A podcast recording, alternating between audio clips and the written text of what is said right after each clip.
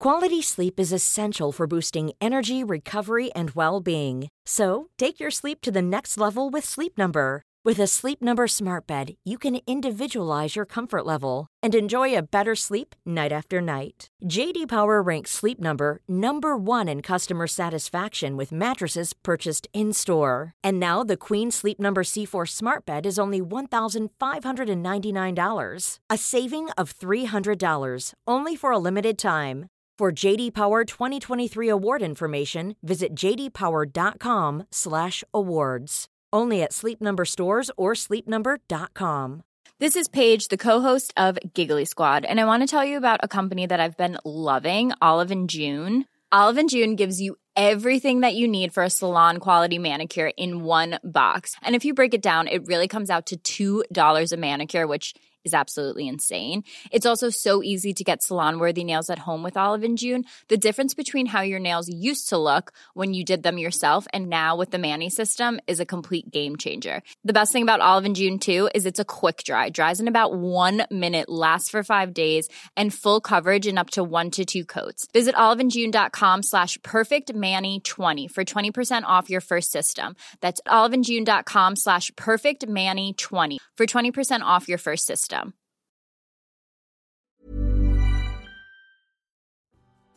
Hej alla fotbollsälskare där ute! Vet ni vad? Vi gör det här tillsammans med Telia och de har ett fantastiskt erbjudande till dig som älskar fotboll. Telia har nämligen ett paket som samlar all fotboll. Och då menar jag just all fotboll. Från Telia, Discovery, TV4 Play och Viaplay för bara 699 kronor. Ni hörde rätt. 699 kronor kan ni få se Premier League, Champions League, Allsvenskan, Bundesliga, La Liga, Serie A. Ja, ni hör. De underbaraste och största ligorna där ute och även här på hemmaplan med Allsvenskan. Så för 699 kronor kan ni se all fotboll och som en liten bonus, det är ingen bindningstid. Så du kan börja streama direkt. Mm, ni hör. Att samla sporten smartare. Det är Telia. Nu fortsätter podden. God lyssning.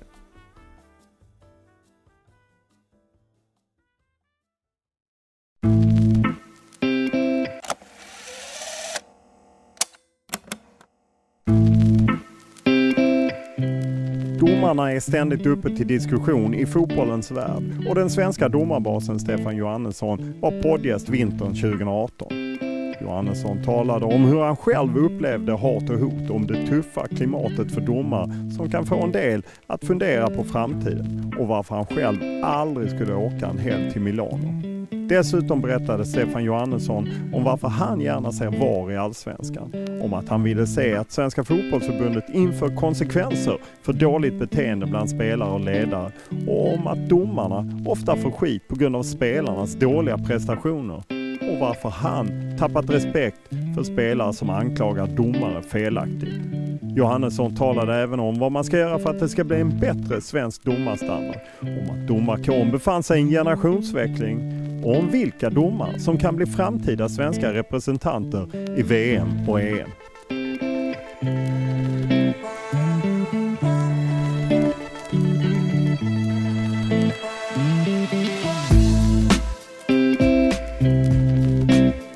Larsson koncentrerar sig innan han kliver fram och skjuter den här frisparken.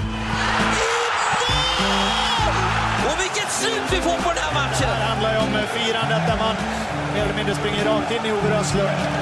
Vilt palaver där nere. First of all, it was not a free kick at all. I think you have to explain that uh, to my players because my players are devastated. And then the referee, I think the game was, honestly, I have to say that, and I say it in a respectful manner, I think the game was too big for him. And that is the responsibility for, for the Swedish FA to choose for a top game like that the best possible referee. Knappt 12 timmar innan vi ska träffa domarchefen Stefan Johannesson så skickar Sebastian Larsson in en frispark bakom Johan Dahlin i Malmös mål och ordnar 1-1 på tilläggstid. Och det blir ju en del palaver. Intervjun med domarnas chef får skjutas upp en dag och vi får träffa Johannesson efter ett hektiskt dygn. Han inte bara tvingats hantera efterdyningarna till AIK och MFF utan även ett mordhot riktat mot en av hans kollegor. Dessutom har han hunnit lägga till Elfsborg och Dalkurd till sin över 300 matcher långa meritlista som allsvensk domare. Efter en vecka som denna undrar man ju varför någon vill ta sig an den utsatta rollen. Men vi inleder podden som vanligt med en faktaruta.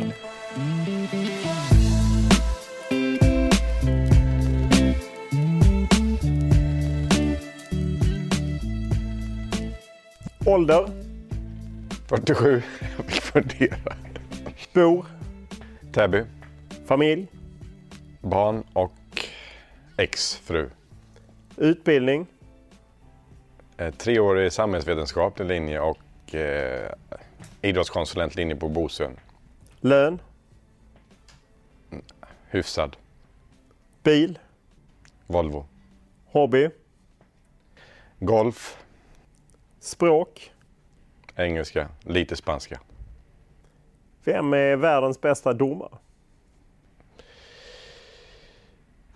Eh, ja, alltså jag tyckte han som dömde VM var, som dömde finalen, jag kommer inte ihåg namnet nu ens, men eh, Argentina var väldigt bra. Sen är Björn Kuipers tycker jag bra i Europa.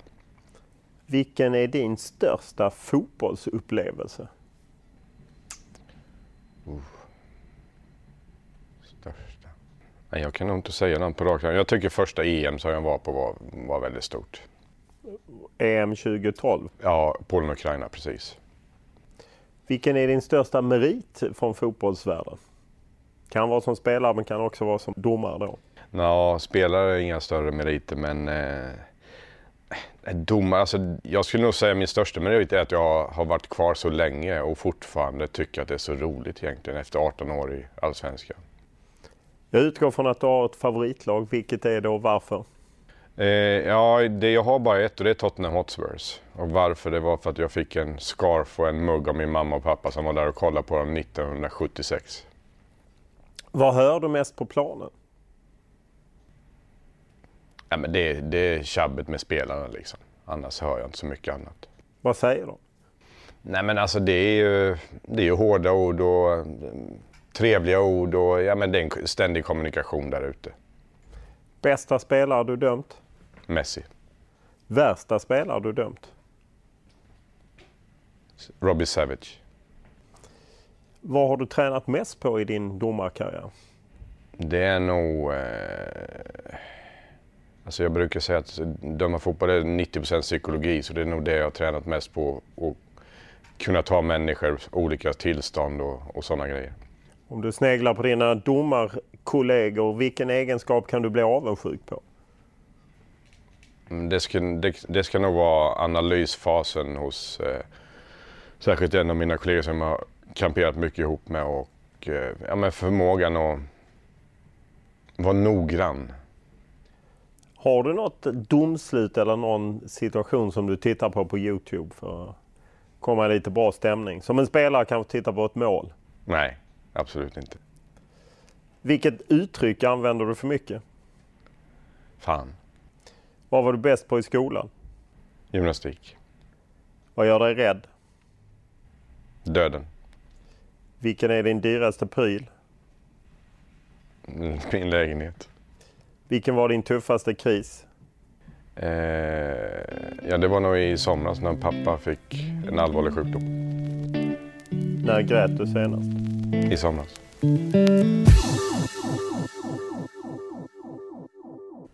Du har en lång eh, domarkarriär och är, är ju även nu chef för domargruppen. Hur kommer det sig att du började döma? Det känns inte som det är där man, dit man dras kanske. Nej, nej det är faktiskt inte. Alltså, från början, min pappa dömde fotboll upp i gamla, jag tror det var gamla trean eller någonting, vilket var ganska högt på den tiden. Och sen så eh, började jag bara döma i, jag spelade fotboll i Habbo IF, där jag kom ifrån. Och så var det rätt bra stålar. Så fortsatte jag. Jag tyckte det var ganska tråkigt faktiskt att döma fotboll ända upp till eh, division 3 tror jag. Men jag studerade mer eller mindre min... Så att... Nej men det var nog det. Sen var det någon Så som det sa var att man- egentligen pengarna som drog? Ja, men från början, alltså det var ju fickpengar på den tiden. Liksom man, man, jag var ju inte mer än 12-13 år när jag började. Så ja, det var ju jättekul att ha pengar på helgen. Liksom. Så att eh, det var nog det som var i början. Och plus att man spelade, det passade bra ihop liksom. det funkar. Jag bodde ju på fotbollsplan när jag var liten så att jag kunde lika väl döma. Du spelar i Habo IF som ju är nere i Småland och Jönköpingstrakten. Och Stämmer. Erik Edman säger att du inte alls var så dålig som anfallare. Nej. Hur kommer det sig att inte fotbollen bar väg den vägen? Nej, jag var för slö. Jag gillade att åka på sommarsemester med polarna. Så enkelt var det. Jag var inte beredd att lägga ner den tiden som krävdes. Om man jämför då med Erik Edman som jag spelade kort stund med, för han är ju mycket, han är ju sju år yngre, men då såg man ju vad det krävdes. När vi bastade och drack öl på julafton så sprang han ju ute på grusplan och tränade. Så det, det var därför jag inte kom längre som fotbollsspelare.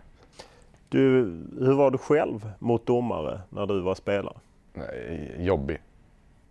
Hur då? Nej, men jag var tjatig liksom. Och en, sån, en klassisk spelare som jag, som jag inte tycker om idag. Alltså, det är alltid de som är dåliga som gnäller på domaren. Och det, när jag hade dåliga matcher då gnällde jag på domaren.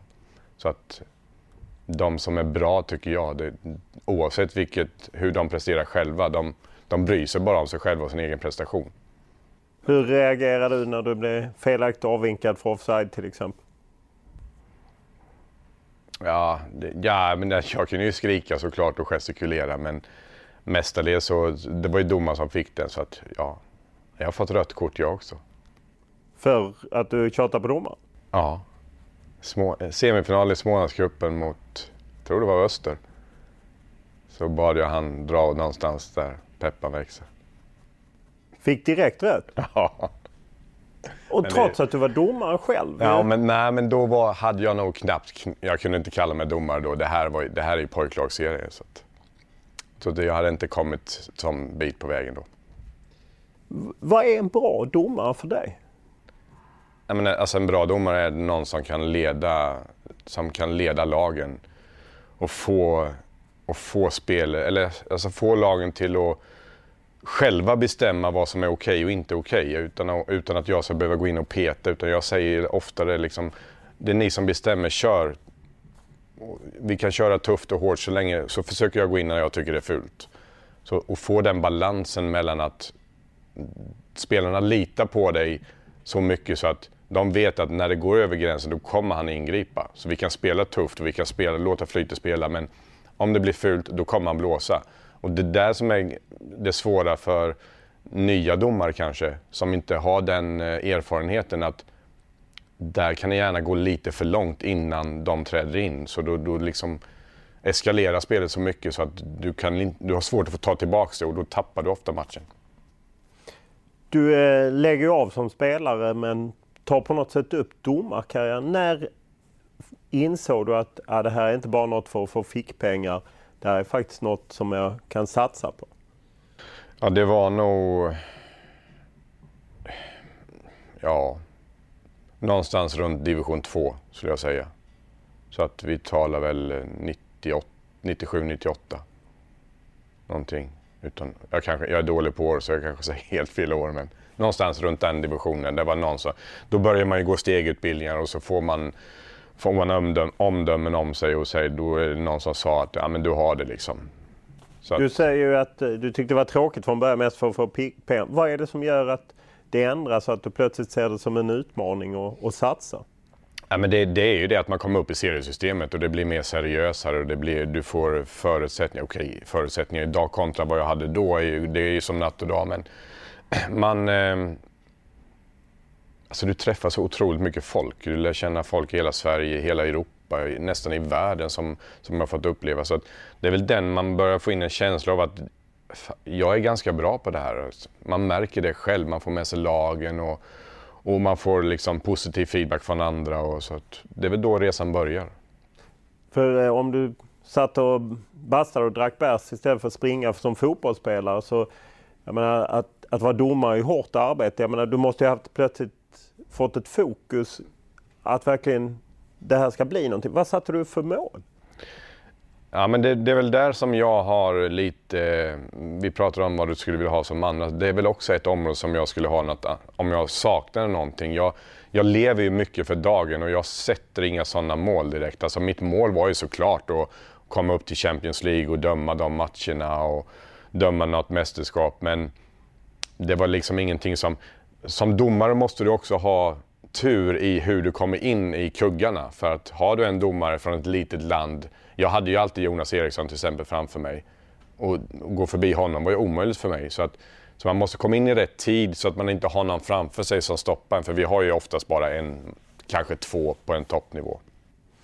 Eh, om man säger så, du, egentligen för några år sedan skulle du lagt av som domare. Men har fortsatt. Hur, hur kommer det sig? Ja, det...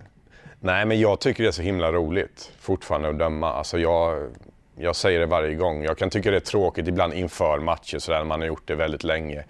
Men så fort man går ut på plan så blir det liksom som...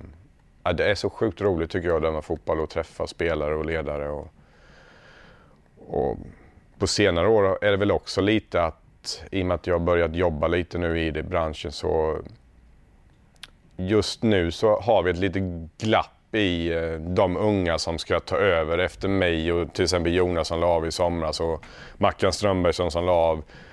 Så att det har inte passat riktigt heller utan jag känner väl någon slags, eh, jag vet inte ansvarstagande men, men jag vill väl ge tillbaks på det sättet att när de är klara då kan jag stiga av. Och det, vi är väl inte riktigt där än. Om du ser på eh, att man har haft åldersgränser och liknande kring domar och så. Finns det ett bäst före-datum? Att ja, efter en viss ålder kan man inte köra på? Nej, inte, inte åldersmässigt. Bäst före-datumet är den, den dagen du blir likgiltig över vad du ska göra.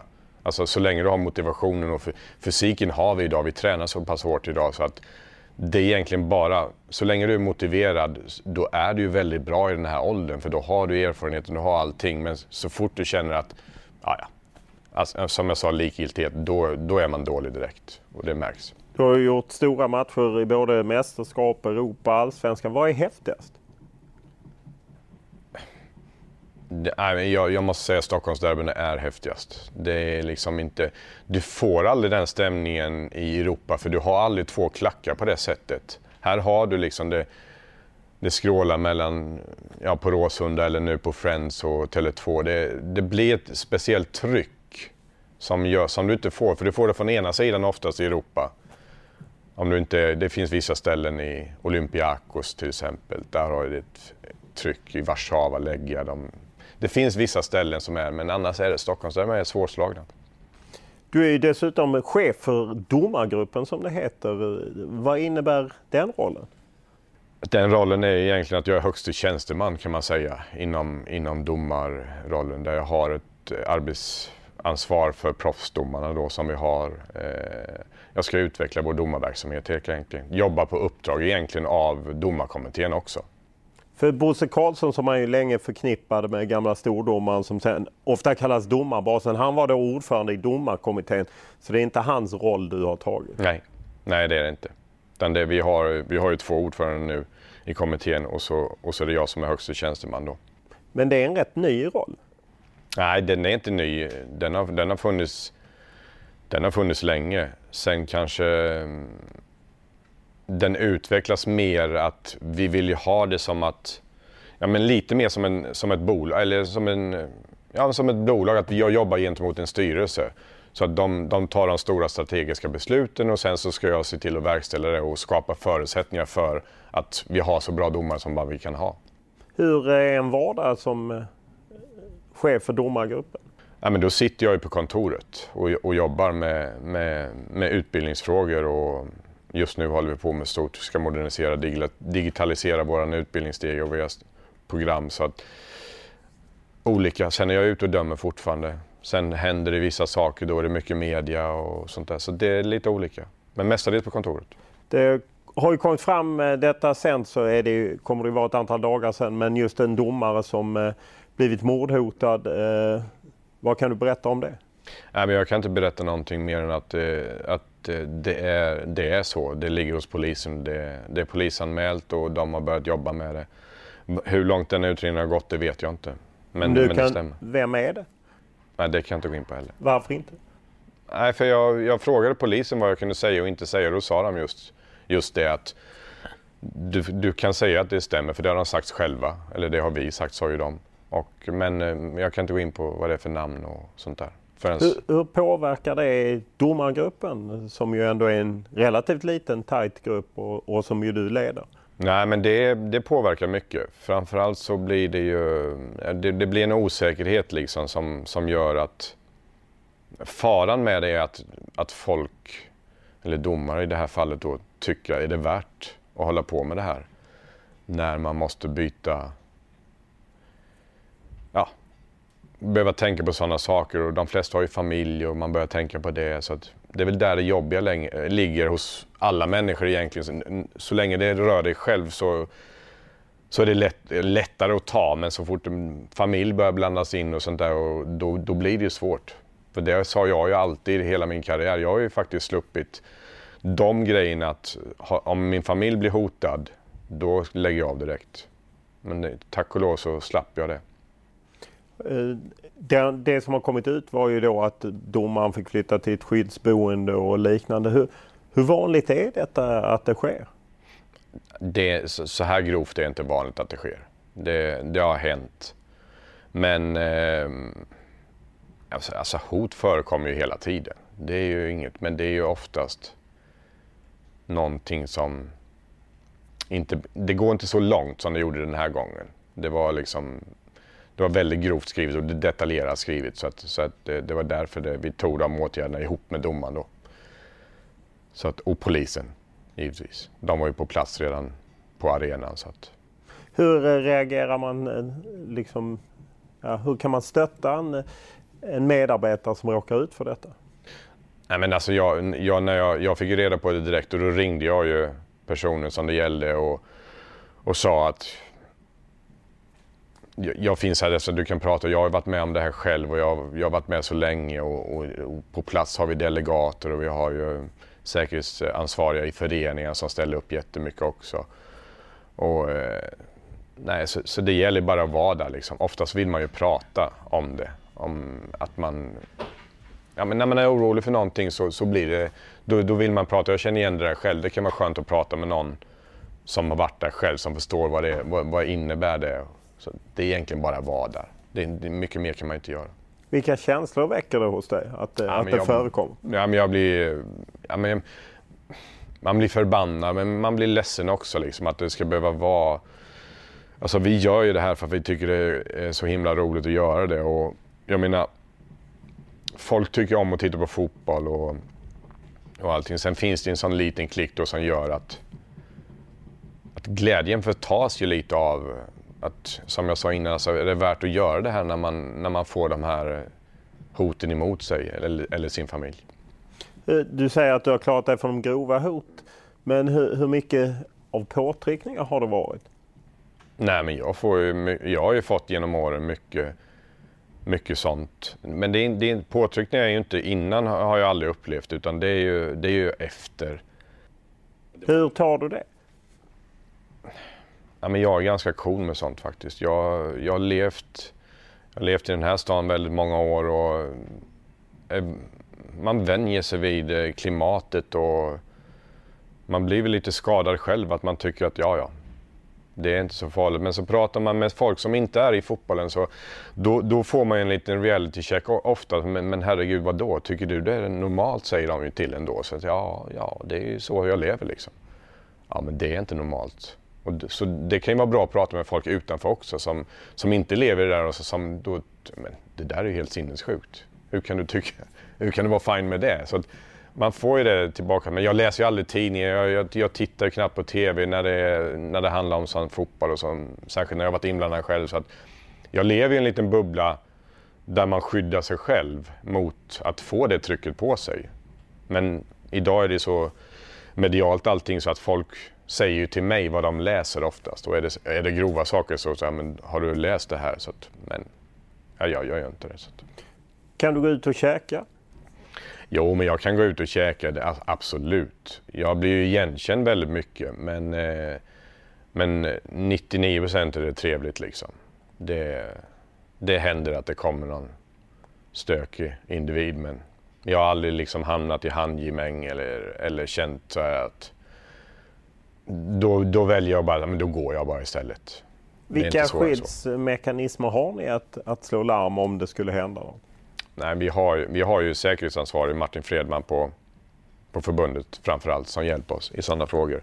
Och nu har vi fått fått eh, på senare år så har vi fått väldigt bra respons av, eh, eller stöd av supporterpolisen som har en specialenhet som jobbar direkt mot idrottsrelaterat våld. Om man eh, ser till att, att det här liksom på något sätt med sociala medier och liknande växer och att de lättare kan nå en på något sätt. Hur, hur har du upplevt liksom den förändringen? Du har ju på, på något sätt varit med då i mm. nästan 20 år. Jo, men den är ju, den är ju rätt skrämmande för att det, det blir jobbigt alltså när de kommer in på... För att även om det är sociala medier, jag, jag, allting är ju stängt som jag har, men, men det blir. Jag har ju erfarit det själv att ja, stängt finns ju inget som heter. Det, de kommer ju åt dig liksom. Och jag har ju bytt koder och allting eh, 20-30 gånger men, men det var någon som förklarade för mig det, det, det spelar ingen roll. Det, det är någon som taggar. Jag är dålig på det där också. Det räcker att någon taggar dig och sen finns den där så att det spelar ingen roll. Då, jag hade ju en match med, med Milan, eh, Arsenal-Milan där jag gör en jättemiss på en straff. Och, så jag hade ju Milan-fans efter mig och de var ju på alla mina medier och skulle in och, och, så, och det var då jag upptäckte att det går liksom inte. Det spelar ingen roll om jag byter eller någonting. Så det var ju bara att låta det vara.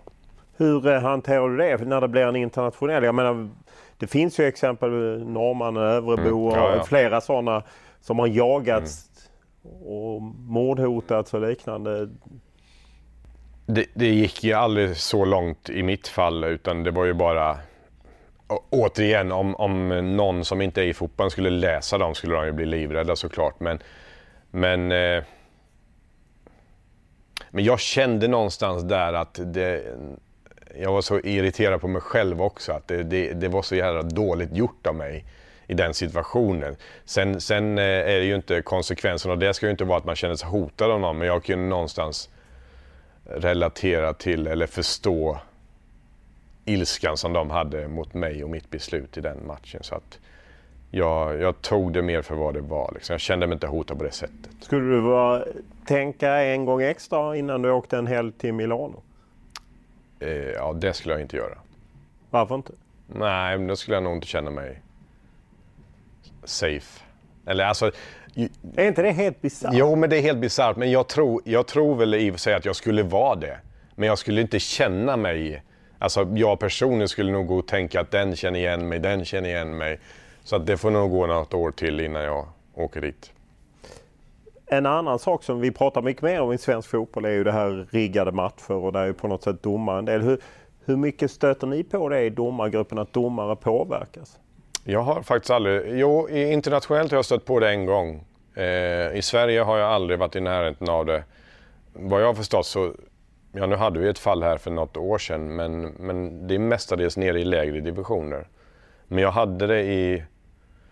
Jag hade en match i Europa där, där det var misstänkt upp, spel, matchfixing. Och då, en match det, som du Ja, jag, jag, dömde den matchen och det var jättebisarrt för han... Nu har han kanske utvecklat det här men då kom han in till mig innan. De har Vem är han? Ja, men det är speciella sådana här som åker omkring. Eh, Eh, eh, som är, som är specialiserade på just det här matchfixing. Från Uefa då såklart. Och då, skulle han, då sa han till oss att kolla om ni ser något, känner ni något speciellt eller skumt i matchen? Men det var ju helt bisarrt att döma den matchen för att jag kommer ihåg fjärdedomaren Martin Ingvarsson var så här, ja det var konstigt skott. Typ. Det helt plötsligt såg man ju konstiga grejer överallt liksom. Så att, så att det blev så här och så var det en kanonträff från 30 meter rätt upp i krysset. Ja men det där kan man, nej men det där är inte misstänkt. Alltså det är ju så bra mål. Så det var skumt men, men det, det är enda gången jag har varit i närheten och de konstaterade i den matchen att det var ingenting bakom det. Idag ser han ju det så snabbt på spelmönstren. Det är ju direkt.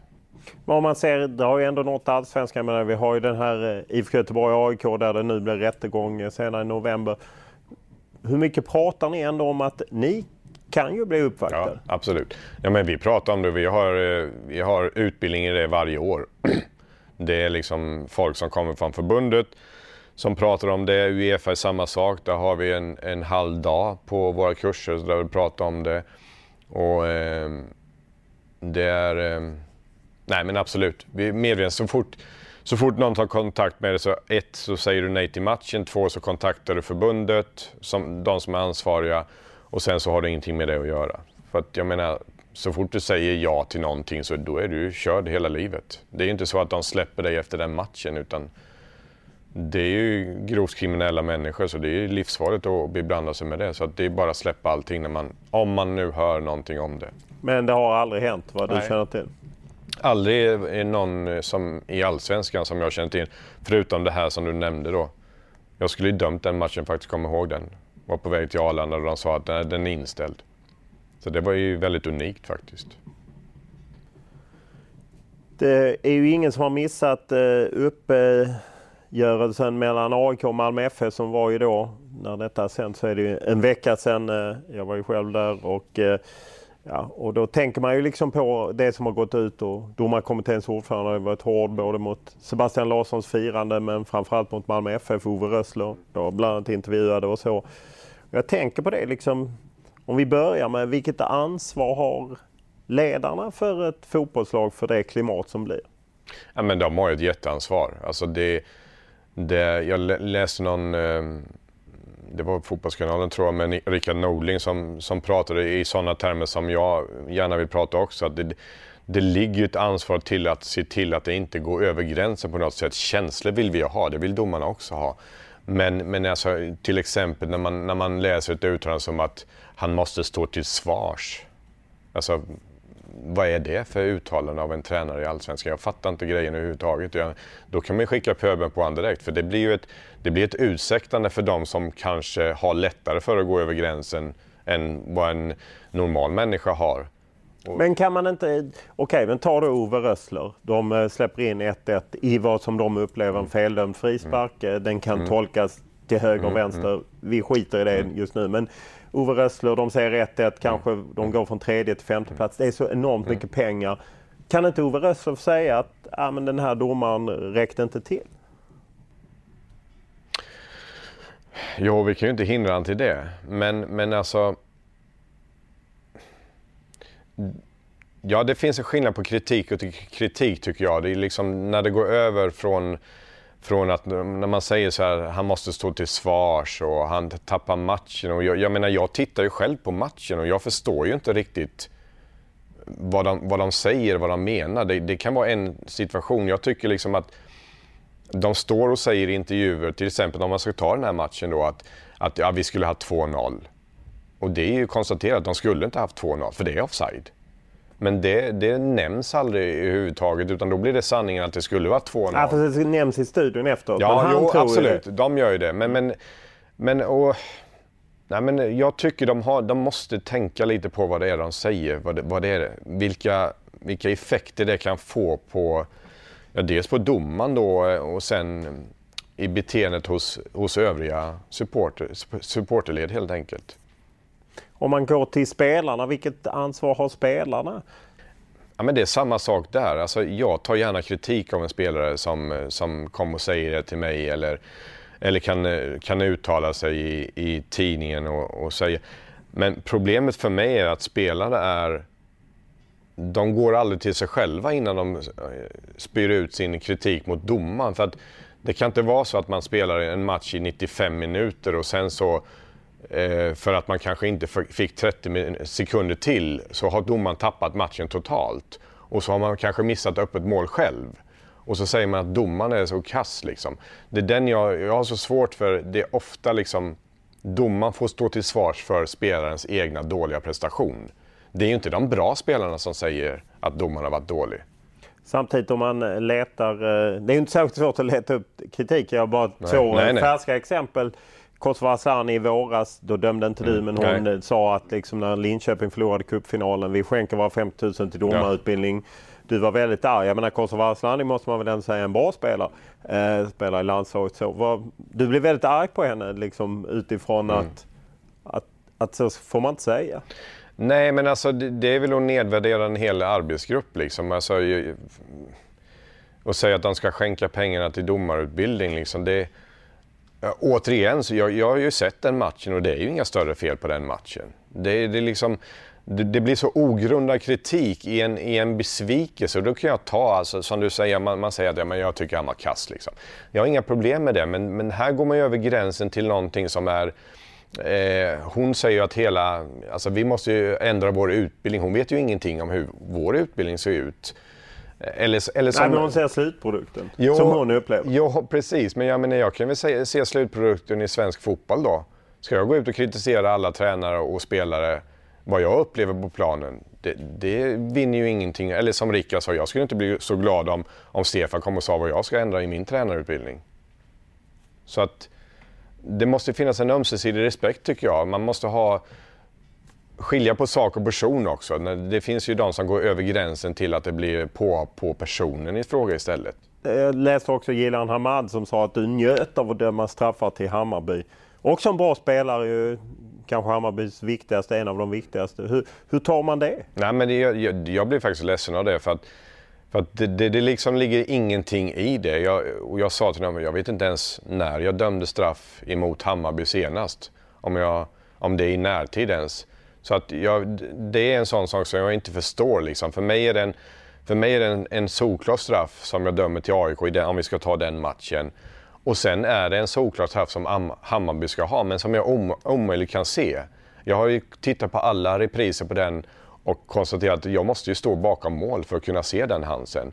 Så att ja, jag missar den Hansen, men jag gör ingen bedömning i den situationen. Ringer du Gideon Hamad då eller Hammarby när han säger något? Eller bara Nej. skiter du i? Nej, men eh, jag tappar respekten för sådana. Sån, alltså när man har sådana uttalanden så tappar jag respekten och då vill jag liksom inte. Då finns det inget att säga.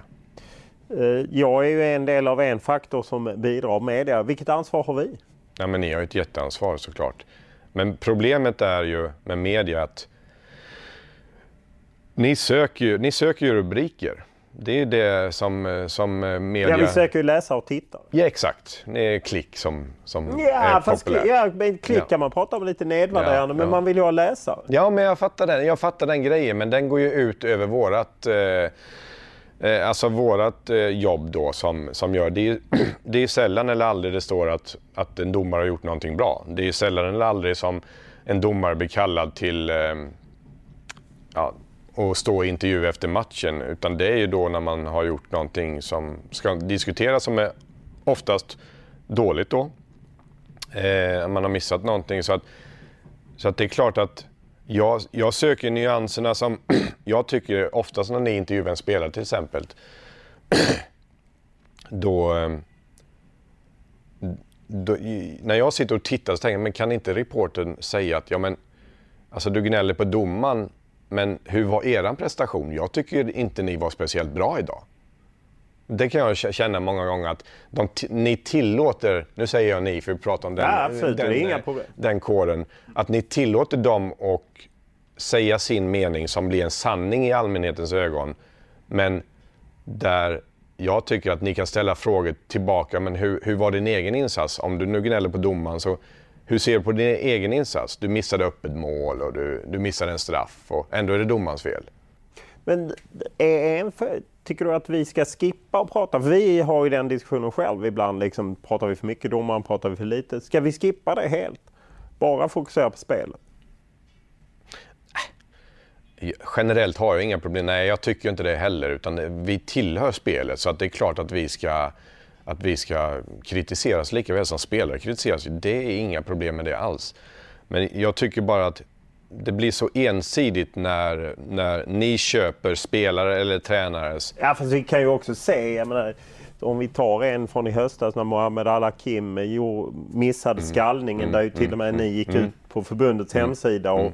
indirekt sträckte upp honom ju eftersom han sa fel i vår intervju.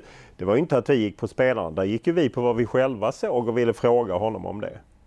Jo, men eh, ofta så blir det ju ensidigt vad, vad spelare och ledare tycker. Och det, jag säger ofta, det är det jag tycker de har sitt ansvar, just det där, för att det blir sanningen hos folk. Och där tycker jag ansvaret ligger hos er som journalister, för ni är ju kunniga fotbollsmänniskor som håller på med fotboll. Och när, eh, om man ska ta till exempel Hasse Backe säger någonting, då blir ju det sanningen för hela svenska folket. Och då kanske inte Hasse har koll på den regeln där och då. Nu, nu, nu, säger jag inte att det är så, men bara som ett exempel att det är väldigt noga med, om man ska säga en grej som, som rör en regel eller något, då måste man ha koll på den också. Man kan liksom inte gå ut och säga och sen, sen kommer jag och så säger så här, ja det gick jättedåligt igår hörde jag. Nej, det gick jättebra tycker jag. Eller det vet jag ju för att vi har ju folk som kollar på oss varje match. Ja, men Hasse sa att det var helt fel. Nu nämner jag Hasse bara Mm. som, Nej, bara för att jag, jag- jag är Hasse välkänd, välkänd person. Ja. Men eh, så att absolut, ni har ett jätteansvar. Eh, Jag tänker vi kommer tillbaka lite till det. Men om, om du tar just inramningen och sånt, publik, klackar. Hur, hur mycket, det är ju häftigt men det finns ju baksidor med ibland bengaler och knallskott som stör. Hur mycket påverkar det er? Om det ens påverkar? Eh, nej, jag kan faktiskt inte säga att det mig, jag kan bara prata för mig själv. Alltså, det påverkar mig ingenting egentligen. Mer än att jag tycker det är synd för matcherna kyls oftast ner. Man är liksom peppad, lagen är peppade. Man ska gå ut i ett derby och, så är det en kvart, 20 minuter försenat. Då, då märker man, man märker på spelet också, spelarna, det, liksom, den där Men är de peppen inte lägger sig. vana vid det? Jo, fast fortfarande så tycker jag att alltså, temperaturen i matchen går ner. Det blir liksom inte samma tugg. Men sen, ja, ja det är tveeggat det där. Men nu, som du säger, man är så van nu. Du säger ju själv att bland det häftigaste är att döma ett eh, 08-derby. Skulle du ta med barnen på ett, eh, ett derby? Nej, jag skulle inte ta med, jag har en dotter bara, men nej, det skulle jag inte göra. Varför inte? Nej, men det, jag tycker språket är så vidrigt. Och jag menar, för henne skulle det bli... Speciellt när pappa springer där och någon skriker att pappa ska dö eller pappa är en hora eller vad, vad man nu skriker liksom. Som, som, och det är ju vanligt folk som skriker det också. Eh, jag sitter ju själv på läktarna och kollar på fotboll och jag blir ju förbluffad över hur, hur, vilket språk som är mot, mot någon som försöker göra det bästa han kan. Liksom. Allting vi gör på plan är ju för att vi tror att det är rätt. Och så sitter en, vuxen människa, ofta i sällskap med barn, och skriker att ja, domarjävel och hora och sånt där. Jag fattar inte grejen. Jag kan inte förstå det. Du har ju som sagt varit aktiv i, i närmare 20 år. Upplever du att klimatet har förändrats? Men jag tycker att jag tycker det blev till det bättre för fyra fem år sedan. Så tycker jag det var liksom då fick vi en bättre miljö. Nu tycker jag det har vänt åt andra hållet helt plötsligt. Att, att det blivit en hårdare miljö igen.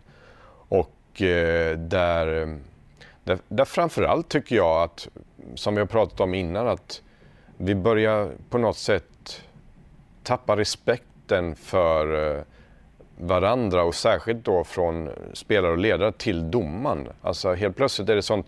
I år har det varit otroligt fokus på, på sådana uttalanden som har blivit i, i, och som när man inte ser den här cirkusen så, och man inte lever i den så då tänker man kanske inte på det men ett sånt uttalande kan sätta igång en väldigt stor effekt som får en väldigt stor påverkan på den domaren som är i just den matchen. Men, men generellt så jag, jag tycker det har vänt lite och blivit lite hårdare igen. Vad tror du det beror på? Nej, Jag tror det är samhället i stort. Och sen tror jag mycket på att jag har sagt länge nu att det finns ju inga konsekvenser liksom i, i, eh, i, eh, i fotbollen i Sverige tycker jag. Alltså det, du har ett beteende men, men men jag saknar liksom konsekvensen av ditt beteende ska bli det och det och det. Men det, vi har liksom inte riktigt det utan det, du kommer undan med väldigt mycket. Om den, det som hände efter AIK, Malmö FF eller efter frisparken och den kalabaliken. Om det hade skett i England Ja. så hade det varit snabba ryck från FA och det hade varit bägge lagen hade blivit anmälda spelare och det hade varit böter och antagligen an- avstängningar. Från er, jag säger er Mm, ja. eftersom du är anställd för förbundet. Har vi nu när vi sitter onsdag, nästan två dagar senare, inte hört ett ljud. Mer än att vi kom i kontakt med domarkommitténs ordförande Mm. som sa att han funderade på att anmäla. Då känner man ju, varför är ni så tandlösa?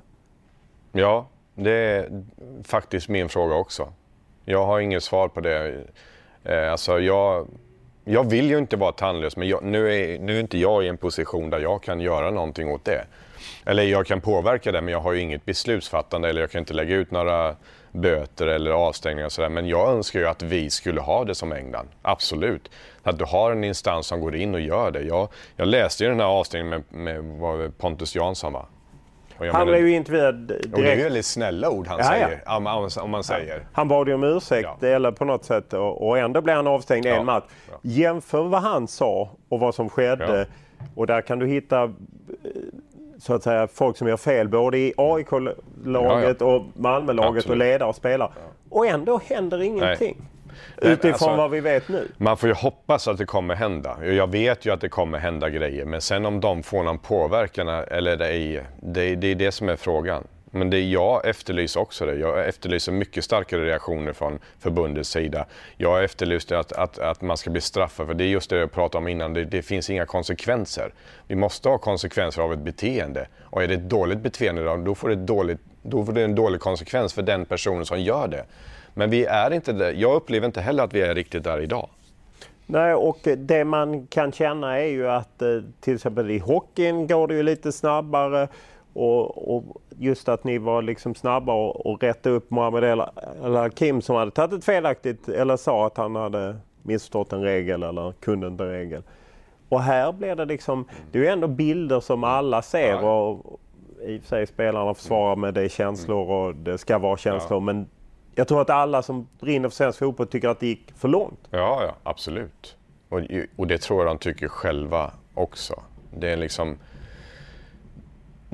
Det är det jag menar, om, om, om du kör på mig lätt med din bil så kan ju inte jag gasa på och, och tycka att det är fine att bara mosa din bil. Liksom. Det, det, det är det beteendet hela tiden. att Ja, men han påverkade oss. Ja, jag är den första att säga att den reaktionen hade troligtvis jag fått också om någon hade gjort så mot mig i det läget. Men det ursäktar ju inte mitt beteende för det. Jag måste ju liksom, då får jag ju ta konsekvenserna av mitt beteende. Och inte, och inte säga att ja, men han, han provocerar mig. Det vet ju alla. Som du säger, alla har ju sett bilderna. Och jag menar ju på att den initiala provokationen måste ju, måste ju behandlas som ett disciplinärende också. För att reaktionen ska ju inte bara få, det ska ju inte bara bli ett disciplinärende på reaktionen i, mitt, i min värld. För att det, den reaktionen kommer ju från det som, som den spelaren gör där. Eller det var ju flera spelare som, som var inne där. Men... Och jag hoppas att det blir så också.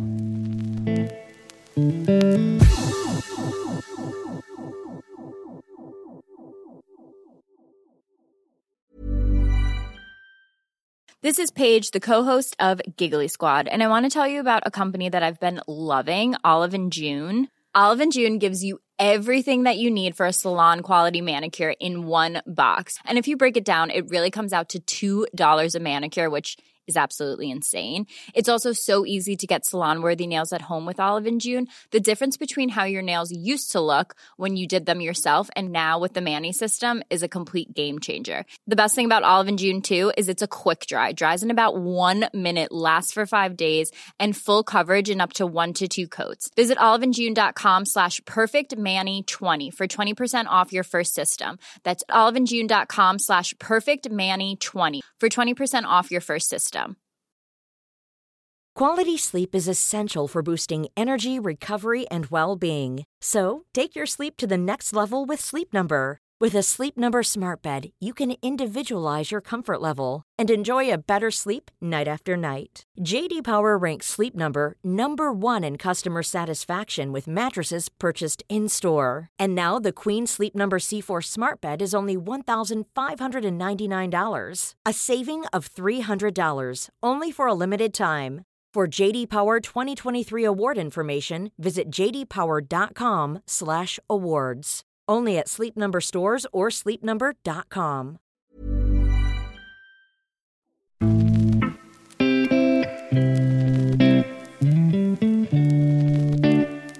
Det har varit ett tufft 2018 för den svenska domarkåren. Under VM i Ryssland, där man testade det nya VAR-systemet som hjälpte domarna att fatta rätt beslut, fanns inga svenska domare med. Och även om man får hålla med Johannesson om att rättskiparna ibland får oförtjänt kritik så har det under den allsvenska säsongen varit en del märkliga beslut och rena feltolkningar av reglerna. Hur står det egentligen till med statusen på de svenska domarna?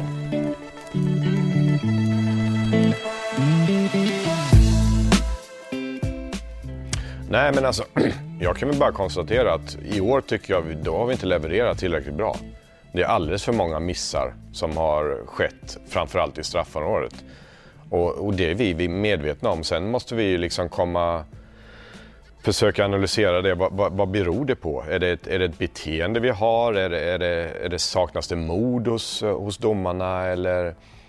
Men, men det är någonting som vi jobbar med och som vi, som vi kommer köra hårt med nu framför. Vi, vi, vi planerar eller tänker i banorna att ta in en beteendevetare. Är det någonting som vi kanske ska jobba med generellt? Att, eh, ja, som man, vi, vi jobbar ju med, men, men vi är ju de första som, vi vet ju när vi gör fel.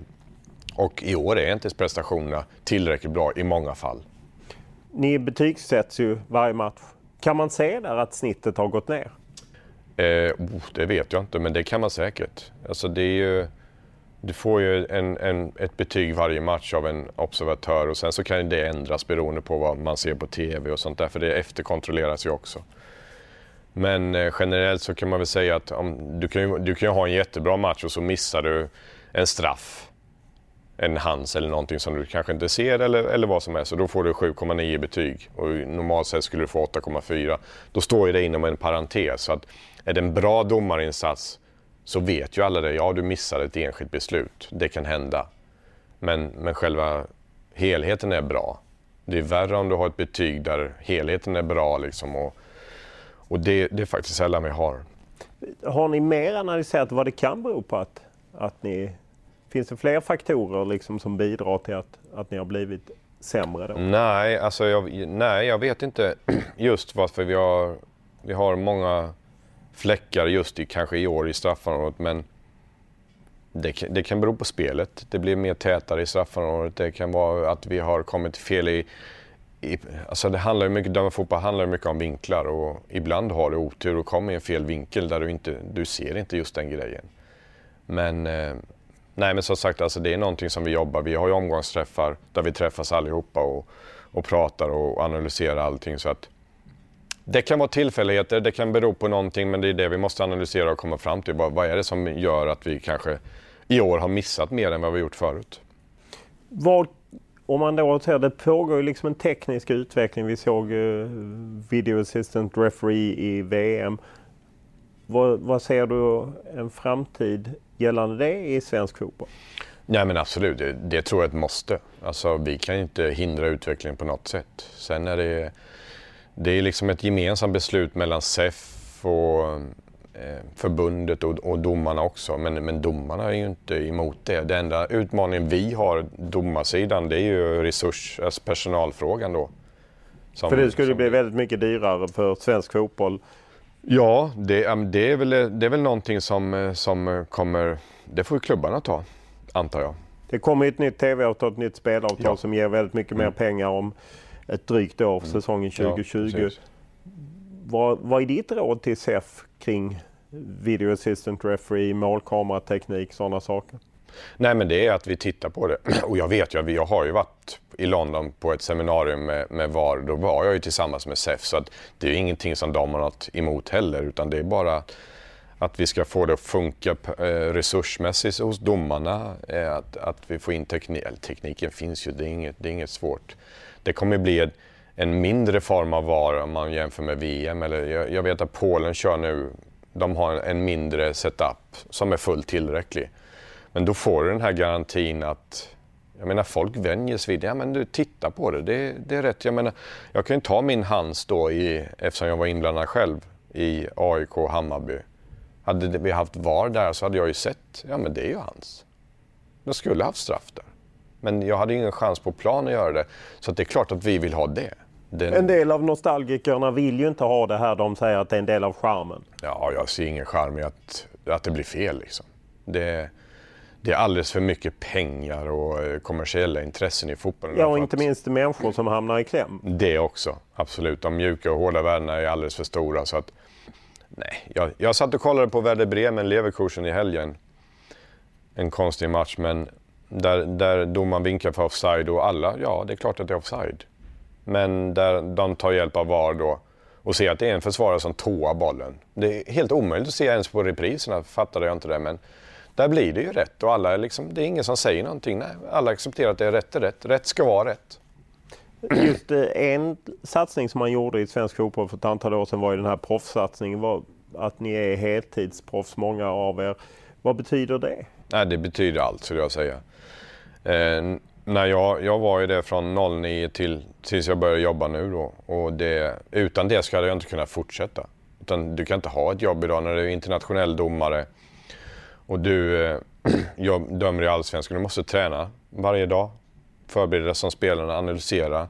Vi har ju ett program där vi kan gå in och kolla på alla matcher, analysera spelare, frisparkar, hörnor, offensiva hörnor, defensiva, allting. Så det, det tar tid idag för att kunna liksom lyckas på den högsta nivån.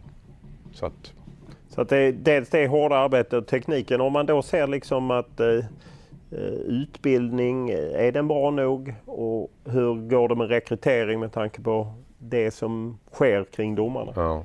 Nej men alltså rekrytering blir ju svår när, när det är sånt här som dyker upp. Och när, när, man, när folk får, får upp ögonen för hur, hur är det? Men det är någonting som vi har jobbat med i alla år och det är, alltså rekryteringen är, den är tuff. Vi gör ju allt vi kan för att få. Men där är det så viktigt att vi, att vi har de här eh, toppdomarna som är, ja men det, det kan vara en toppdomare på distriktet. Det räcker att vara allsvensk domare så är man ju högt upp där. Men det är viktigt att vi får fram de här domarna som är topp, topp i Europa.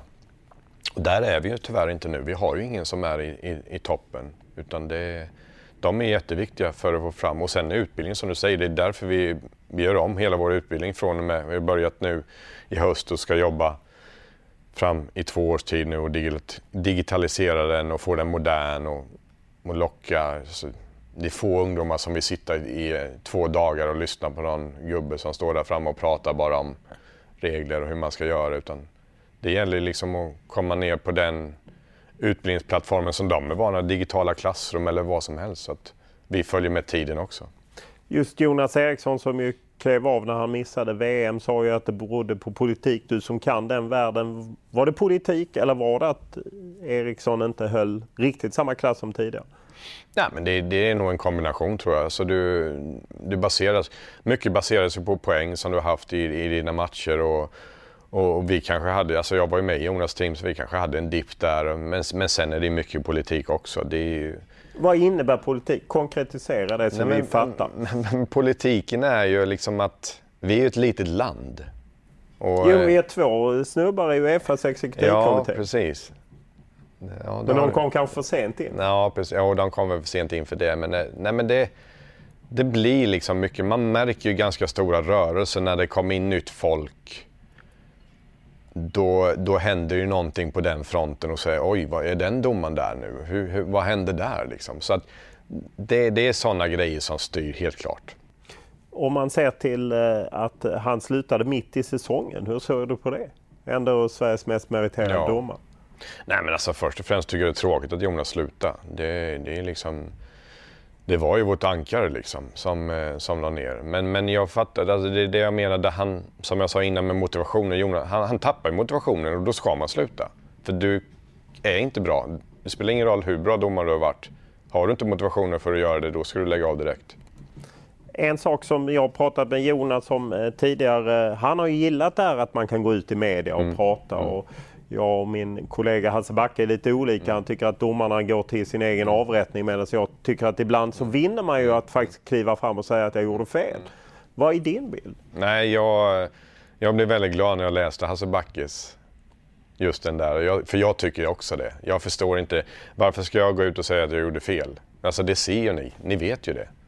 Alltså, jo men ibland kan, man ju, kan det ju vara bra att erkänna att man har gjort fel. Då är man ju lite mer mänsklig. Jo men alltså vi är mänskliga ändå. Men jag, alla ser ju att jag har gjort fel. Jag behöver inte erkänna det. Alltså, jag sitter ju jag sitter inte och gråter men alltså, ingen mår ju sämre än jag när jag gör fel. Jag sover inte på natten. Det kan, det kan gå två, tre nätter om det är något stort i en stor match. Så att det liksom, det fin, det, jag tycker det adderar ju ingenting. Det adderar ju att, som du säger, att man får sympati kanske. Men men sen har du en tendens till att om du gör det, då ska du göra det en gång till. Alltså hur många gånger kan du gå ut och säga att du har fel?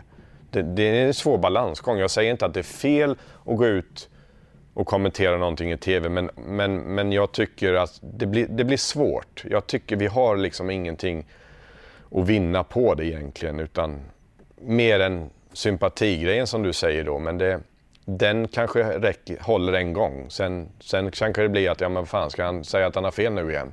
Ja, fast känslan kan ju vara att, man, att ni blir lite omnipotenta. Nej, men att det är svårt att, att nå domare. Liksom att man, eh, mm. ja, man kan inte ens prata med dem. Nej, Nej alltså jag, jag vet inte. Jag är uppväxt med det. Jag har varit så länge i Europa också och där var det ju liksom, där fick du inte säga någonting och det var ju väldigt skönt. För att det liksom,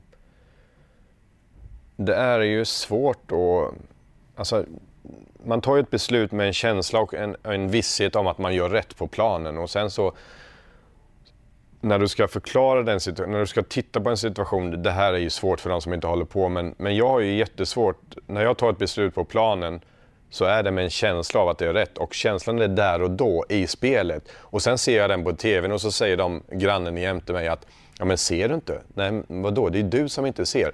För jag, jag ser bilden med min känsla som jag hade på plan. Och, så, och jag, jag har ju till och med sagt att den där TVn ljuger. Det är inte så. Men jag menar bilderna talar för sig, men det är så svårt att ta bort känslan för där och då när du tittar på bilden. Och liksom kunna se att ja, det är ju så. Så att många gånger upplever jag ju när domaren står vad säger han nu? Det, så är det ju inte, men då vet jag ju att han, han ser ju det med sin känsla från när han var där i den situationen just då. Sen går det en, en eller två dagar. Då, du ser bilden annorlunda, det är jättekonstigt men, men det funkar så. Borde det i så fall kanske kommuniceras att, att den här domaren tas ur tjänst eller liksom på något sätt att man signalerar att ja, men det finns konsekvenser även för domaren. Du efterlyser konsekvenser. Jag, jag tänkte ja. på det när Mohamed Al-Hakim gjorde ett par grova missar i, i det var väl Göteborg, Elfsborg och själv tog en timeout. Det kanske var ni som sa till honom men alltså, ibland kan man ju känna att ja, men det finns en konsekvens. Ja men absolut. Jag har inget emot det. Vi, sen är, använder ju inte vi att man ska stängas av och sånt där men, men absolut, det är precis som du säger, det kanske ni gjorde. Och det kanske är så Var det också. så? Nej, men alltså i det fallet, det, det blir lite kombination. Alltså, för det första, i, i alla Kim då, som du nämnde innan, så, så går ju inte vi ut och kritiserar ett beslut han har tagit i matchen, utan det var ju ett faktafel där regeln, han förklarade regeln fel som vi var tvungna att korrigera så att inte folk får för sig att är regeln sån. Så det var ju, vi var ju tvungna att få rätt sanning. Det var ju inte beslutet han tog. Eh, men Ja men det förekommer liksom, men, men det gör man ju i samråd liksom. Det, jo det... men det förekommer, men det förekommer liksom lite under täcket. Det är ju inget vi som bevakar fotbollen ser. Nej och jag tycker inte ni ska se det heller. Varför inte? Alltså, var, varför är det intressant att veta om en domare står över av personliga skäl eller att han har gjort eh, en, en dålig insats. Jag, jag har lite svårt för det. Alltså, det är väl ingen som säger det om spelare heller. Varför sitter han på bänken? Fast eh, man kan ju ändå, om någon gör någon dålig... Oh, eh, Stefan Billborn kan ju säga det. Det är olika för olika tränare liksom. Ja. Men ja, Nej, det är, jag, ibland kan man bara känna att öppenhet... Ja, men jag fattar grejen också när du säger att det är så slutet. Och jag, jag önskar väl också många gånger att... Mm, vad är problemet? Vi kan vara jättetransparenta, det är inga problem för det. Men men då kommer det återigen, om jag pratar för mig själv. Jag hade inte haft några problem om Peter Fröjdfeldt tar ut våra matcher, han är ju vår coach i Allsvenskan. Om han, om han skulle säga till, till dig i media att Nej, men han står över för att prestationerna är för dåliga. Det har inte jag några problem med. Jag skulle, inte, jag skulle inte må dåligt av det och jag skulle inte bli sämre av det. Men sen kanske det är en annan individ som skulle må dåligt av det och de facto bli sämre av det. Så att det är så olika från individ till Vi vill ju att de ska liksom fortsätta och bli bättre istället för att vi ska trycka ner dem och bli sämre. Och det tror jag i många fall, om vi skulle gå ut i media och säga det, då skulle de bli sämre. Och vi vill ju att de ska bli bättre. Så det, är väl, det är väl en avvägning där också. Men jag, jag fattar absolut när du säger att det, det känns slutet. Det är ju mer också att jag kan känna att, att man på något sätt... Eh, spelarna är proffs och man på något sätt kritiserar dem och ni är också proffs. Och mm. Det blir känsligt mm. att kritisera er mer för att ja, det är ju en risk att man utlöser någonting. Mm.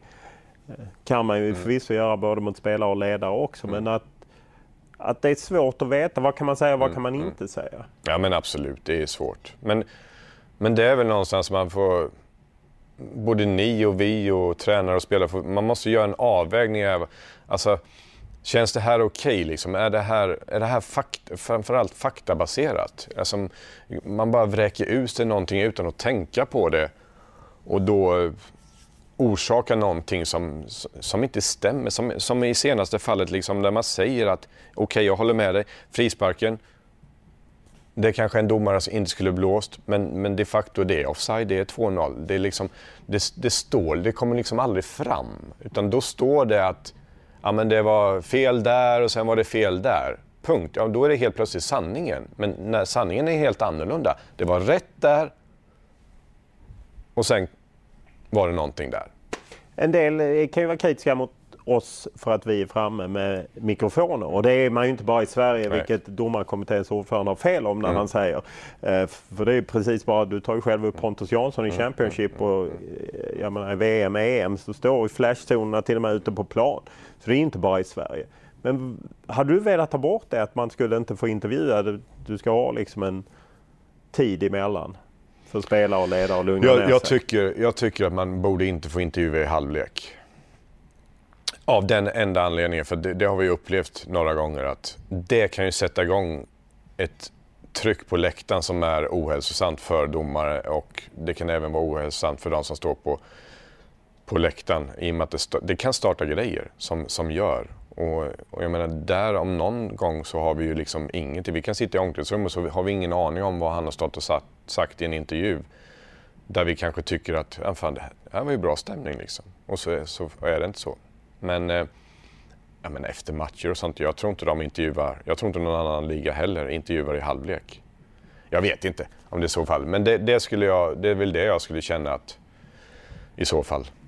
Eh, om man eh, ser till eh, regler och så, så är ju hans är det den svåraste och mest omdiskuterade regeln? Jag har en kollega, ja. Alexander Axén, som helt gett upp ja, Hansen. Ja. Uh, jo, jag vet han sa det. Nej, men jag, ja, det är det.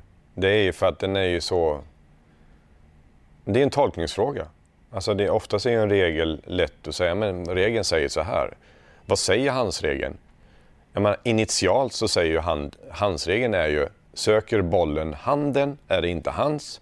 Söker handen bollen så är det hans. Det är ju det är fundamentet som har varit i alla år. Och för att kunna den regeln så måste du kunna läsa någon annans tankar.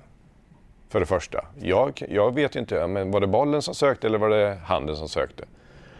Och så har du avstånd och så har du... Hastighet. Hastighet. Ja, men det finns väldigt mycket. Men för mig när jag dömer, då, det är bara en känsla där och då. Hans, inte hans. Alltså du tar den på en... Det går så snabbt så att ibland så kan man ju sitta så här, men hur ser han inte det? Men jag vet ju, jag står ju där nere. Är, du har tur när du upptäcker, upptäcker en hans. Även om handen är här uppe så har du tur. Att, för att det är 22 spelare oftast i de situationerna och tittar du där och så. Men ja, jag skulle säga att den är väldigt komplicerad. Det är antingen ska du ha en regel att allting som tar på handen är hans. Men det försökte de i Spanien och det blev inte bra heller.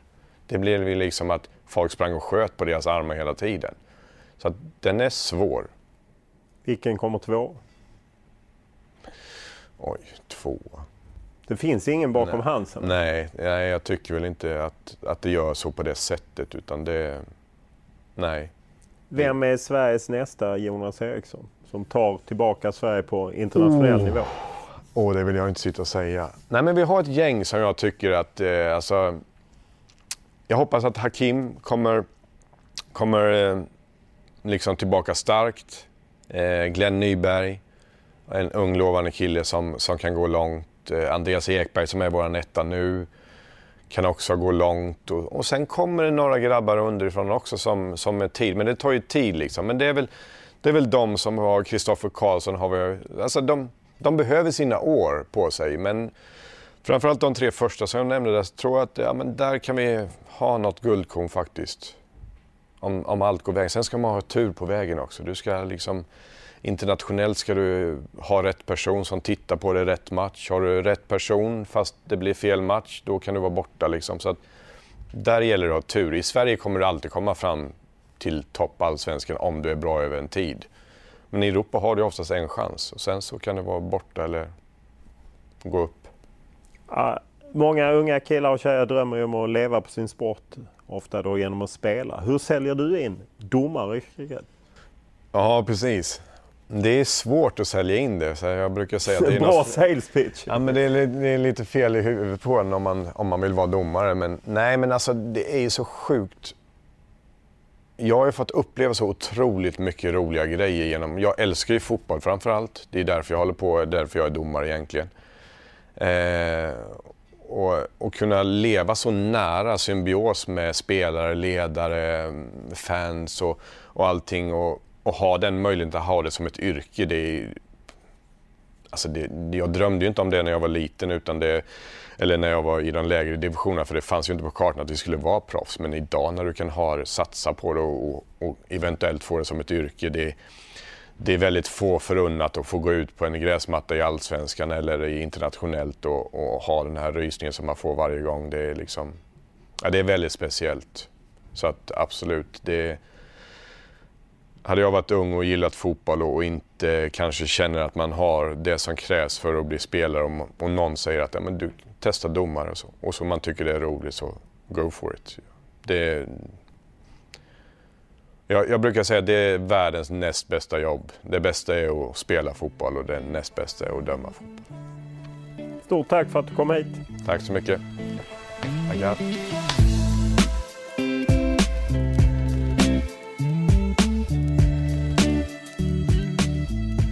Att det är svårt att vara domare är ingen direkt nyhet och att det blir en del kritik, ja, det är nog svårt att komma ifrån.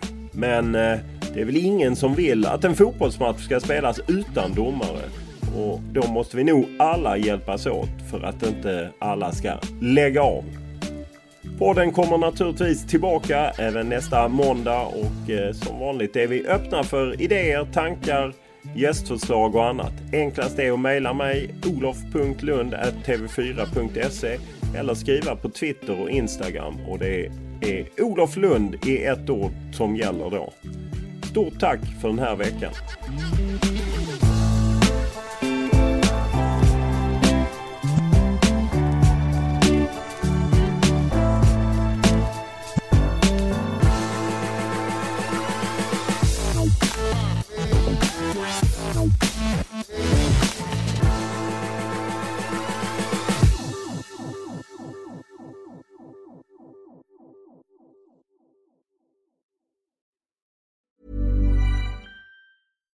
Every fan knows the right player in the right position can be a game changer.